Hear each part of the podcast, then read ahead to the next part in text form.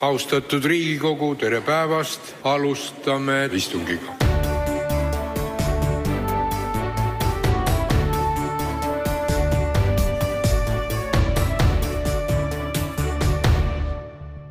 tere tulemast tagasi Tavatuppa kõigile, head uut aastat ja uue aasta puhul oleme ka uutel lainetel ehk siis äh, täna Delfi valimissaatesse palunud äh, kõige värskema, suurima Riigikokku pääsu sooviga erakonna ehk Eesti kahesaja esindaja Margus Tsahkna, tere tulemast. tere ja head uut aastat noh, teil peaks ju uus aasta päris hästi al alanud olema, sellepärast et äh, protsendid, mis äh, veel vanal aastal või reitingud, mis välja tulid, näitasid, et äh, te olete kergelt üle selle valimiskünnise ja, ja kas te ise arvate, et see materialiseerub niimoodi, nagu reitingud ennustavad, ehk siis, et te oletegi Riigikogus, järgmises Riigikogus? No mul on endal nii pikk äh, kogemus äh, poliitikas ja, ja kampaaniate tegemises, et esiteks äh, minu jaoks oli väga oluline see, et kas noh, see reiting, noh reitingute järgi ainult ei saa elada, aga ta näitab ikkagi mingisugust taset ja toetust ühiskonnas. et kas see on lihtsalt ühekordne, esimene reiting meile erakonnana mõõdeti sel ajal, kui me tegime oma erakonna asutamise koosoleku või ta jääb püsima ja nüüd on näidanud juba neli või viis erinevat äh, uuringut seda, et Eesti kakssada on kuskil seal kaheksa, üheksa, seitsme protsendi peal, mis tähendab äh, seda, et äh, kui nüüd ka päriselt teha üks teavituskampaania, oma võrgud käima panna, sest meil on aktiivne liikmeskond, meil on aktiivsed kandidaadid, siis on Eesti kahesajal võimalik kuskil kaksteist, viisteist kohta reaalselt ka Riigikogus püüda. et oleme realistlikud, et valimisvõitu arvatavasti meil ei tule kuid äh, Eesti poliitika on olnud nii dünaamiline, et kui vaadata kõiki Riigikogu valimisi, siis äh, ka kõik need lävepaku uuringud, mida tehakse, siis valimispäeval näitavad, et äh, kuskil kolmkümmend protsenti, kakskümmend kaheksa, kolmkümmend protsenti valijatest, kes lähevad valima, teevad oma valiku kuskil viimase kahe nädala jooksul nii et see dünaamika liikumine võib olla päris suur ja alati on see pigem toetanud uuemaid ja värskemaid tulijaid. Aga, aga kuidas, kuidas sa nagu skeptikuid selles suhtes ma pean ütlema, tunnistama, et ma olen ka natukene skeptiline selle, selle Eesti kahesaja protsendi suhtes just nimelt sellepärast, et et või noh, kuidas sa siis nagu reageeriksid või, või seletaksid seda neile, et ma noh, kõige suurem, mis ma näen, teie niisugune haavatavus on see, et, et teil ei ole väga palju ma ei räägi muidugi sinust, aga, aga noh, niimoodi siiski väga palju väga üle, üle riigi tuntud inimesi teil ei ole. Vähemalt seni ei ole välja, välja tulnud, et äh, kindlasti on inimesi, keda tuntakse teatud piirkondades, aga, aga ei ole üle riigi tuntud inimesi, et, ähm, et mina küll kardan, et kui inimene läheb sinna valimisjaoskonda, siis mõni mõneski piirkonnas või mõneski valimisringkonnas äh, võib ta nagu vaadata Eesti kahesaja nimekirja, oh, aga kes need on, et pigem valin kedagi, kes ma, keda ma ikka tean, et, et ma, ma arvan, et see protsent tuleb teil pigem väiksem. no skeptikud arvavad väiksem, optimistid arvavad, et suurem, mina lähtun sellest praktikast, mida näitavad äh, numbrid, uuringud ja inimeste äh, noh, käitumismallid, mis on senimaani olnud. et kui ma tuletan meelde kasvõi näiteks enda kogemust IRL-i kampaaniat tehes, siis kõik mäletavad Eerik-Niiles Krossi kampaaniat. siis, kui olid kohalikud valimised Tallinnas. see oli väga agressiivne ja ta oli võib-olla agressiivne, aga lihtsalt needsamad reitingud näitasid, valimised olid oktoobrikuus ja septembri alguses oli IRL-i reiting Tallinnas kaks protsenti ja lõpuks võeti tulemus üle seitsmeteistkümne protsendi.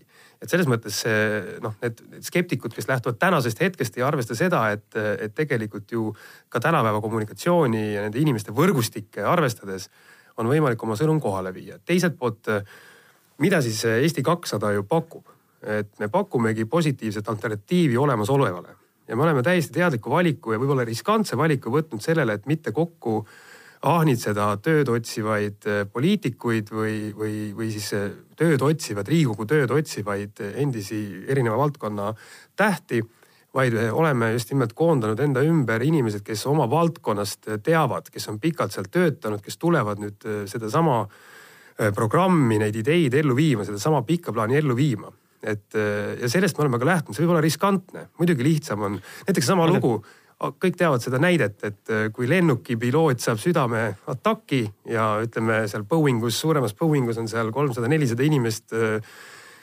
istuvad siis oma kohtade peal ja siis tehakse hääletus, et kelle, keda siis usaldatakse juhtima, siis kindlasti suusatajast olümpiavõitja võidab need valimised, aga see lennuk võib-olla kukub alla.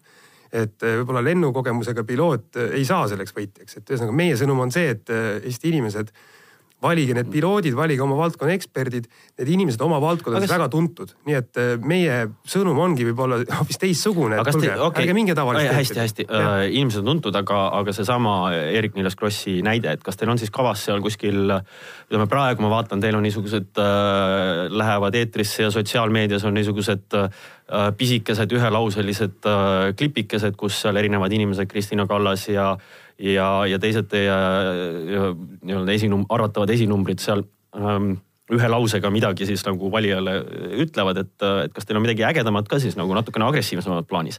ja ma arvan, et Eesti kakssada teeb seekord natuke teistsugust kampaaniat üldse, kui ollakse tavapäraselt äh, harjunud nägema, et, et juba praegu ma vaatasin aasta alguses on suuremad erakonnad äh, linna täis kleepinud neid äh, nägusid, keda me oleme ammu näinud et kindlasti meil on see eelis, et me, meie suhtes inimesed väga palju ei tea ja meil on lihtsam oma sõnumit edastada, et mida siis Eesti kakssada tuleb tegema, kes need inimesed on, kes seda tulevad tegema, inimesed tänapäeval pääsevad infole väga lihtsasti ligi läbi oma Facebooki, läbi sotsiaalmeedia ja kindlasti huviga loevad, et kes siis see konkreetne inimene on, et mida Priit Alamäe teeb näiteks või, või, või kes tegelikult on Kristina Kallas või, või kes on Liina Normet näiteks ja, ja kui tekib samastumise hetk, mida need inimesed kõik pakuvad, siis ma arvan, et selline normaalne valimistulemus on täiesti tehtav aga noh, ütleme selles mõttes, et äh, eks kõik suured erakonnad on hoidnud oma ressursse nüüd siia sellesse kahte kuusse, mis valimisteni on jäänud ja, ja siin lähevad miljonid huugama selleks, et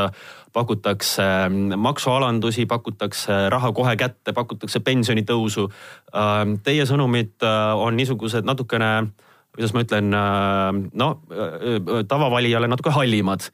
seesama pikk plaan, et niisugused riigi, riigiremont ja muud asjad kas te jääte selles ellu, selles, te, te ei paista sealt seebimüümise vahelt välja? absoluutselt, sellepärast me paistamegi välja, et me ei luba tasuta asju, me ei luba inimesi nende enda rahaga üle külvata, me ei luba pensioneid kolmekordistada, et las see jääb siis nendele traditsioonilistele vanadele erakondadele me oleme positiivne alternatiiv ja me ütlemegi ausalt välja, mille pärast see Eesti kakssada üldse tekkinud on. et eh, täna inimesed kindlasti ei ole rahul sotsiaalsüsteemi korraldamisega, inimesed ei ole rahul haridussüsteemi korraldamisega. inimesed ei ole rahul sellega, kuidasmoodi riiki juhitakse laiemalt eh, läbi selle suure bürokraatia. me peame oma riiki üleval nagu ühte suurriiki, kuigi meil on üks koma kolm miljonit inimest, keda me kõiki igaüks isiklikult teame ka riigi poolt vaadatuna. No.. et äh, neid inimesi, ma arvan, Eesti ühiskonnas on kuskil kakskümmend viis, kolmkümmend protsenti, kes lihtsalt ei lähe äh, sellise äraostmise peale. ma ütlen ausalt, Riigikogu liikmena pikalt olnud poliitikas nii jõhkralt äh, sellist korruptiivset äraostmiskatset või õigemini tegevust, nagu nüüd toimus nende katuserahadega, ma pole näinud see maht oli ju kolmkümmend kolm miljonit eurot või kolmkümmend neli miljonit eurot. et ma ikkagi loodan, et Eesti inimesed on kirjaoskajad. Nad äh, saavad aru, et kui neid lihtsalt üritatakse ära osta või on olemas päris agenda, mis äh, teeb nende elu oluliselt lihtsamaks, olgu nad ettevõtjad, arstid, äh, õpetajad, kassapidajad. okei okay,, aga kus need, kus need vali, selles mõttes, et kelle, kelle valijad need on siis, kelle te nüüd endale saate, et et äh, noh, pikalt spekuleeriti sellest, et, et te võtate noh, niimoodi siukse äh, suhteliselt liberaalsemasse nurka kalduva erakonna, võtate Reformierakonna omasid, aga nüüd äh, vaadates erinevaid uuringuid öeldakse, et sööte kõvasti sotsidesse sisse, et kas see tulebki sellepärast, et, et sotsid on siis selle äraostmiskatsega valitsuses kaasa, kaasa tegemas ja te võtate hoopis sotsi valijaid? No täna tuli uudis, me või eile siis äh, tuli uudis, et Igor Gräzin, äh, vana liberaal, kes on Reformierakonna asutaja, lahkus äh, Reformierakonnast ja ta pole esimene, kes lahkus just nimelt sellepärast, et Reformierakond ei kanna neid liberaalseid väärtusi. et paratamatult jah, Eesti kakssada on see positiivne, pigem liberaalsete väärtuste kandja, noh mind ennast kunagi kutsus IRL-i või õigemini Isamaaliitu siis Mart Laar kes oli selgelt selline rahvuslik liberaalne edasipürgiv jõud, on ju et ma arvan, et neid inimesi, kes just nimelt selle suletuse, selle konflikti, mis täna õhus on ju ikkagi, et selles suhtes valivad selle avatuse ja, ja tulevikku vaatava sellise progressiivse maailmavaate julgevad võib-olla riskida, julgevad võib-olla mõelda, et täna ei ole võib-olla elu lõpuni valmis, et meil on vaja veel teha teatud suuri reforme, meil on vaja majandus käima tõmmata, erastamisprotsessid läbi viia, meil on vaja julgeda teha riigireformi sõna otseses mõttes et need sellised julged progressiivsed inimesed, kas siis endised Reformierakonna toetajad, võib-olla mõned sotside toetajad võib-olla mõned, kes täna üldse ei omagi valikut, vaid, vaid on otsustanud, et neil on kõrini sellest vanast süsteemist, võib-olla nemad otsustavad, et aga anname võimaluse nendele inimestele.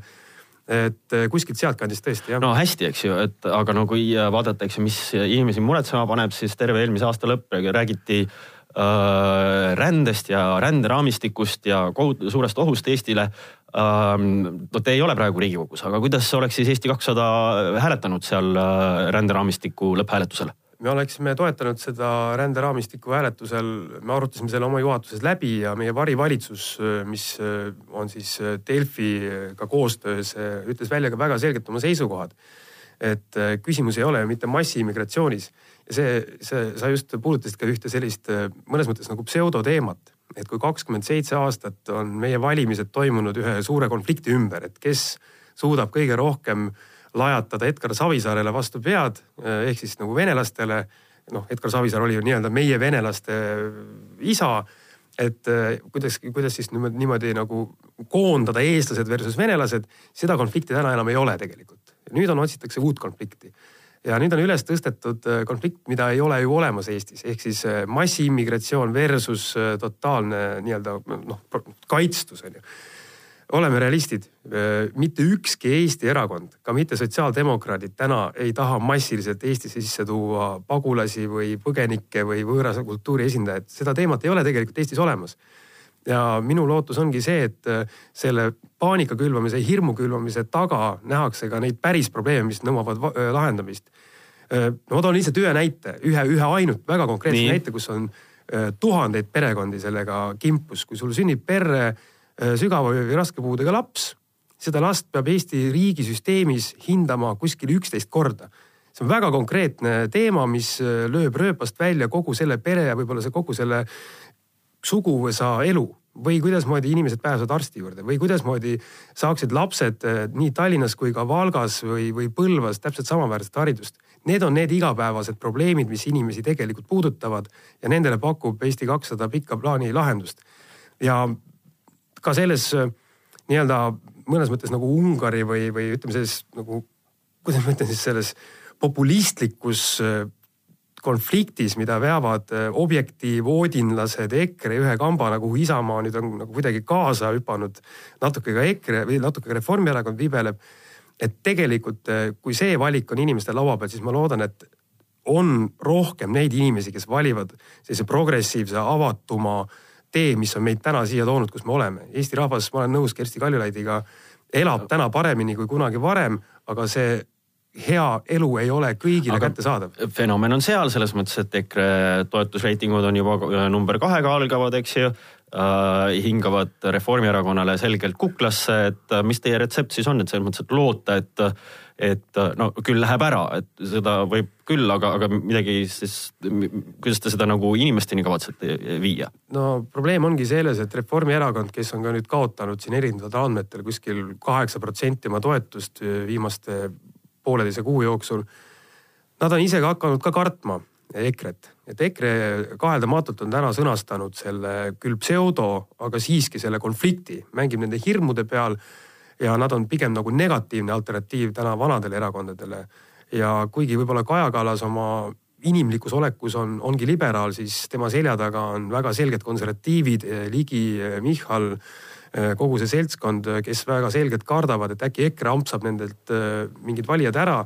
ja nad on tegelikult oma liidripositsiooni käest ära andnud. nüüd Eesti kakssada on see, kes kõnetab neid liberaalseid inimesi, kes ei usu täna enam Reformierakonda ja ma arvan, et sealt tulebki see häälte nihkumine, aga lihtsalt vaadata pealt ja kaasa karta ei ole lahendus. Eesti kakssada ongi see jõud, kes pakubki seda positiivset alternatiivi. kui EKRE pakub negatiivset hirmudel alternatiivi, siis Eesti kakssada pakubki positiivset, progressiivset äh, pika plaani, kui te tahate äh, alternatiivi nendele inimestele, kellel ei ole valikut. ma saan sellest jutust aru peaaegu, et, et te tahate sisuliselt äh, Reformierakonna koha üle võtta aga tegelikult ju maailmavaateliselt see niimoodi ongi läinud, et Igor Gräzin on ju lapsesuu, kes teda tunneb, ta räägib seda, mis tal peas on ja räägib ausalt.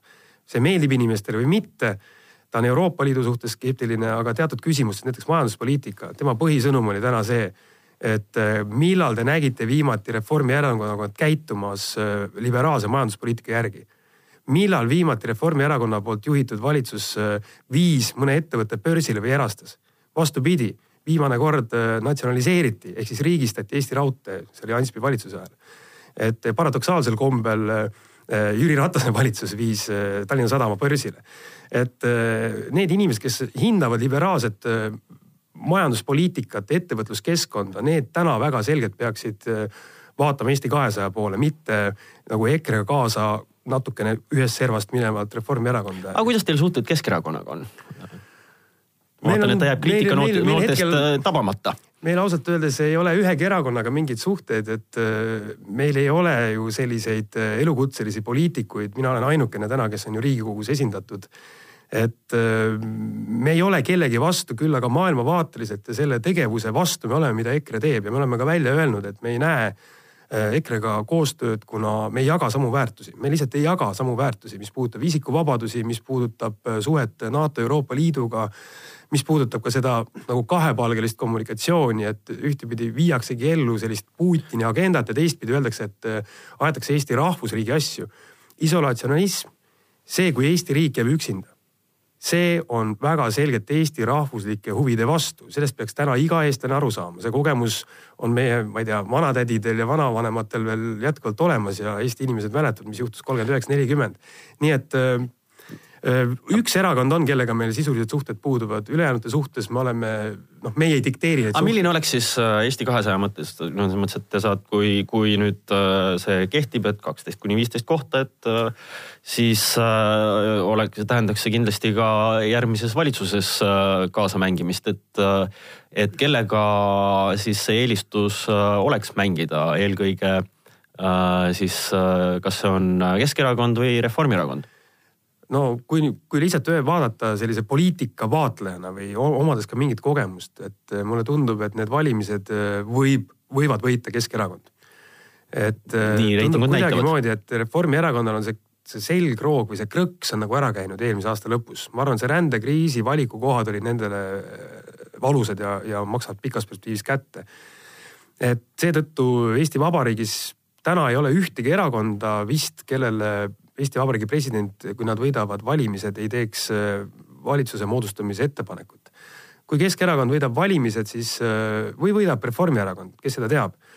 et äh, Eesti kakssada on igal juhul neile üks esimesi partnereid, keda kutsutakse laua taha sellepärast, et me ei ole lubanud ennast rahaliselt kinni. me ei ole lubanud tõsta pensioneid kolmsada eurot, me ei luba, ole lubanud tõsta lastetoetusi, mida iganes. ja paratamatult ma olen olnud viie koalitsioonilepingu läbirääkimiste juures ja kahjuks need läbirääkimised on aga ütleme, kahjuks on niimoodi aga, välja näinud, et siis, ja, nagu nõiad ümber rahapoti, et kes mida jagab. aga, aga, aga siis on, siis on täpselt see, et ei ole rahaliselt kinni lubanud, aga, aga no näiteks kui te leiate ennast sealsamas äh, siis äh, kõneluste laua taga sotsidega, kes äh, aasta lõpus käisid oma programmi välja, lubavad seitsmesaja eurost pensionit selles mõttes, et noh, mis on teie sõnum neile, et kullakesed, et niisugust asja ei saa Eesti lubada või et hääletame poolt meie sõnum on tegelikult väga lihtne ja see ei ole meie välja mõeldud. kõik ju teavad rahandusministeeriumi asekantslerit äh, Jegorovit koos oma meeskonnaga. meie üks konkreetne ettepanek, mida on nüüd on hakanud toetama ka Keskerakonna esimees Jüri Ratas oma programmilises äh, artiklis Postimehes kuu aega tagasi. nulleelarve järgmine valitsus peab võtma kogu riigieelarve, kõik need üksteist miljardit eurot lahti ja vaatama, kuhu me tegelikult seda raha kulutame kui seda raha tõesti jätkub õpetajate palkade tõstmiseks, mis on meie prioriteet, kui seda jätkub ka pensionite tõstmist ja nii edasi, suurepärane. meie väide on see, et sellele vanale baasile ei ole võimalik neid rahalubadusi üles ehitada, mida täna on andnud nii sotsid, Keskerakond, Reformierakond ja nii edasi et me tahame teha seda riigireformi. meie väide on see, et riigieelarves on raha, mis kulub bürokraatia jooksmise peale, mis kulub vanade mõttetute poliitikate investeeringute elluviimiseks aga selle vastu täna ei vaidle keegi. Keskerakond arvab, et seda tuleb teha, sotsid on nõus sellega, Reformierakond on nõus. no aga ma nimetan ühe asja, millega sotsid kindlasti nõus ei ole ja Keskerakond ei paista ka nõus olevat, et mm. terve hunnik Eesti raha viiakse piiri taha äh, alkoholiaktsiisi näol mida see valitsus äh, kergitas äh, enneolematute sammudega ja ei anna sellest Ossinovskile, ei, ei lase lahti sellest, sest ta leiab, et see kõik on väga hea ja ei lase ka Jüri Ratas lahti, lubab maksurahu selle asemel, et kas te sealt ei taha raha tagasi tuua? no igasuguse maksu, ka aktsiisi eelkõige aluseks on see, et, et nominaalsed ehk siis päris numbrilised laekumised ei, ei langeks, on ju.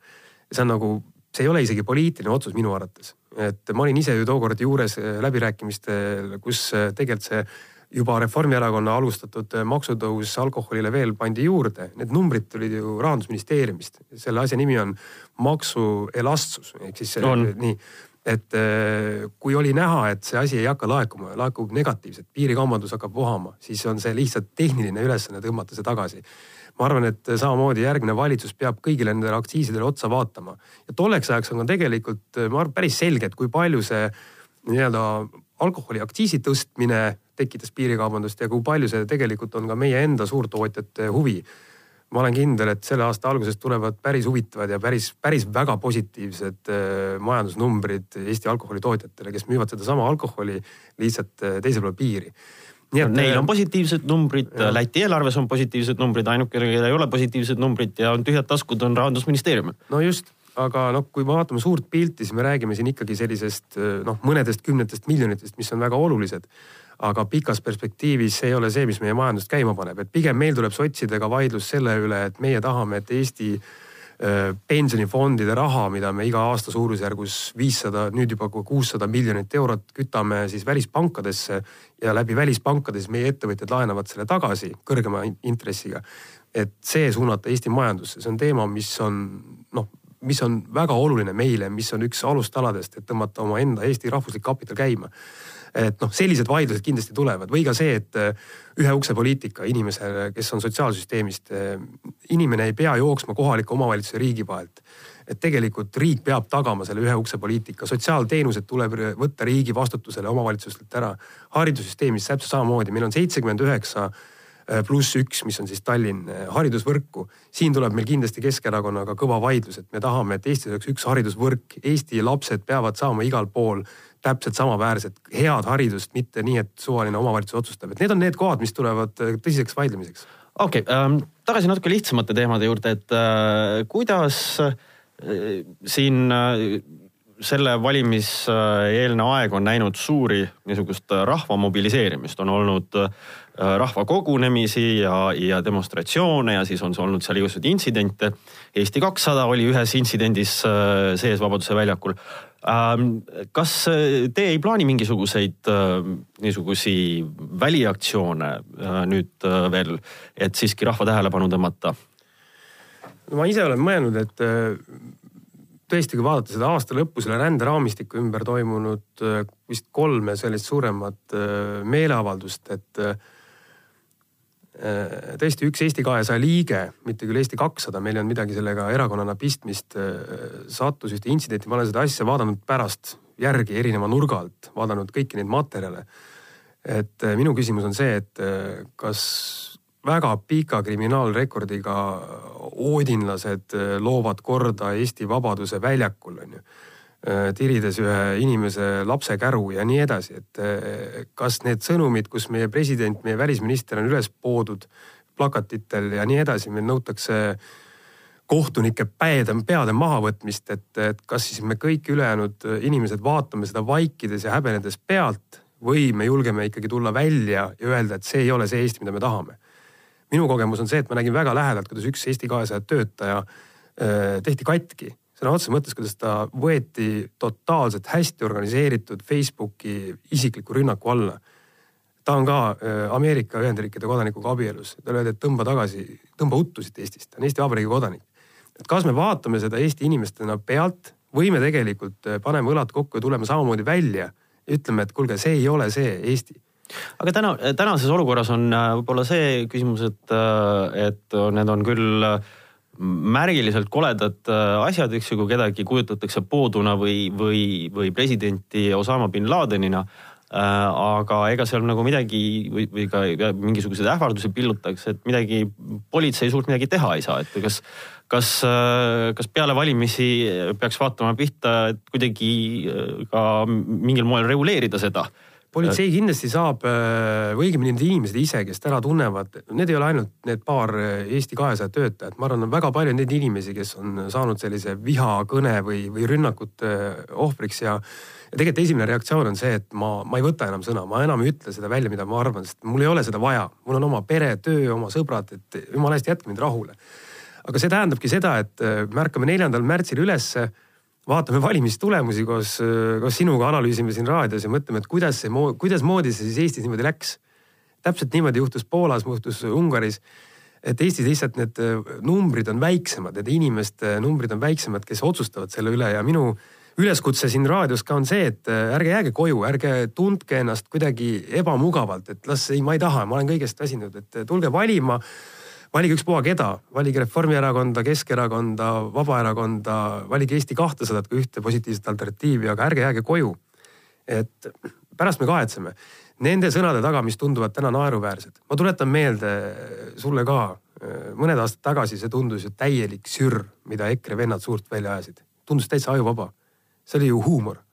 aga täna see ei ole enam huumor. Donald Trump oli nali. sa oled ise välispoliitika ekspert täna Donald Trump on maailma kõige võimsama riigi president. et, et mind panevad need asjad muretsema. kui EKRE esimees ütleb oma kaitsepoliitika äh, esitlemise üritusel välja, et meie liitlassuhted on tingimuslikud. andke meile raha, aga siis, kui me ehitame oma iseseisva kaitsevõime üles, siis me enam teiega koostööd ei tee. siis vot need asjad endisele kaitseministrile, nagu ma olen, on väga ohtlikud ja kui selline vend saab kaitseministriks, siis meil on väga tõsine probleem et no nii. need ei ole nalja, naljajutud. nii äh,, eks see on teist kinni, kui, kui hästi te suudate ennast äh, valijateni viia, aga äh, aeg saab otsa viimase asjana ma olen alati küsinud kõikide külas käinud erakondade esindajate käest et millisena täna asjale otsa vaadates näevad, näete te järgmist Riigikogu koosseisu? mitu parteid ja kes sinna pääsevad? no see on päris hea küsimus, et kindlasti noh, pääsevad sinna selles mõttes Keskerakond, Reformierakond, EKRE pääseb kindlasti mm,. sotsid pääseb kindlasti, Eesti kakssada pääseb kindlasti mm,. ma arvan, et äh, Isamaa Liidul või Isamaal, mul lähevad need nimed kõik äh, lõpuks segamini. et äh, nüüd sõltub, et nad on natukene parandanud oma reitingut. Neil on palju raha praegu panna, ma vaatan meedias käib igal pool reklaam, et nad tõmbavad võib-olla üle künnise ja nii ongi, et viis-kuus erakonda ja, ja, ja siis sõltubki sellest, et äh, kes äh, võidab valimised. kui arvatakse, et presidendil ei ole suurt poliitilist võimu Eesti Vabariigis, siis tal üks on, väga suur poliitiline võim on see, et kellele teeb ettepaneku äh, valitsuse moodustamiseks. ja, ja tegelikult sellele vastu on väga raske saada, nii et ähm, noh, tänaseid numbreid vaadates Keskerakond hakkab moodustama valitsust ja siis sõltub, kuidas kokku tuleb see ma arvan, see peab olema selline viiskümmend neli vähemalt. no seda on vaja jah, et komisjoni ja. mehitada ja nii edasi. aga suur tänu äh, tulemast, äh, Margus Tsahkna uue aasta esimeseks äh, külaliseks ja oleme eetris taas tuleval nädalal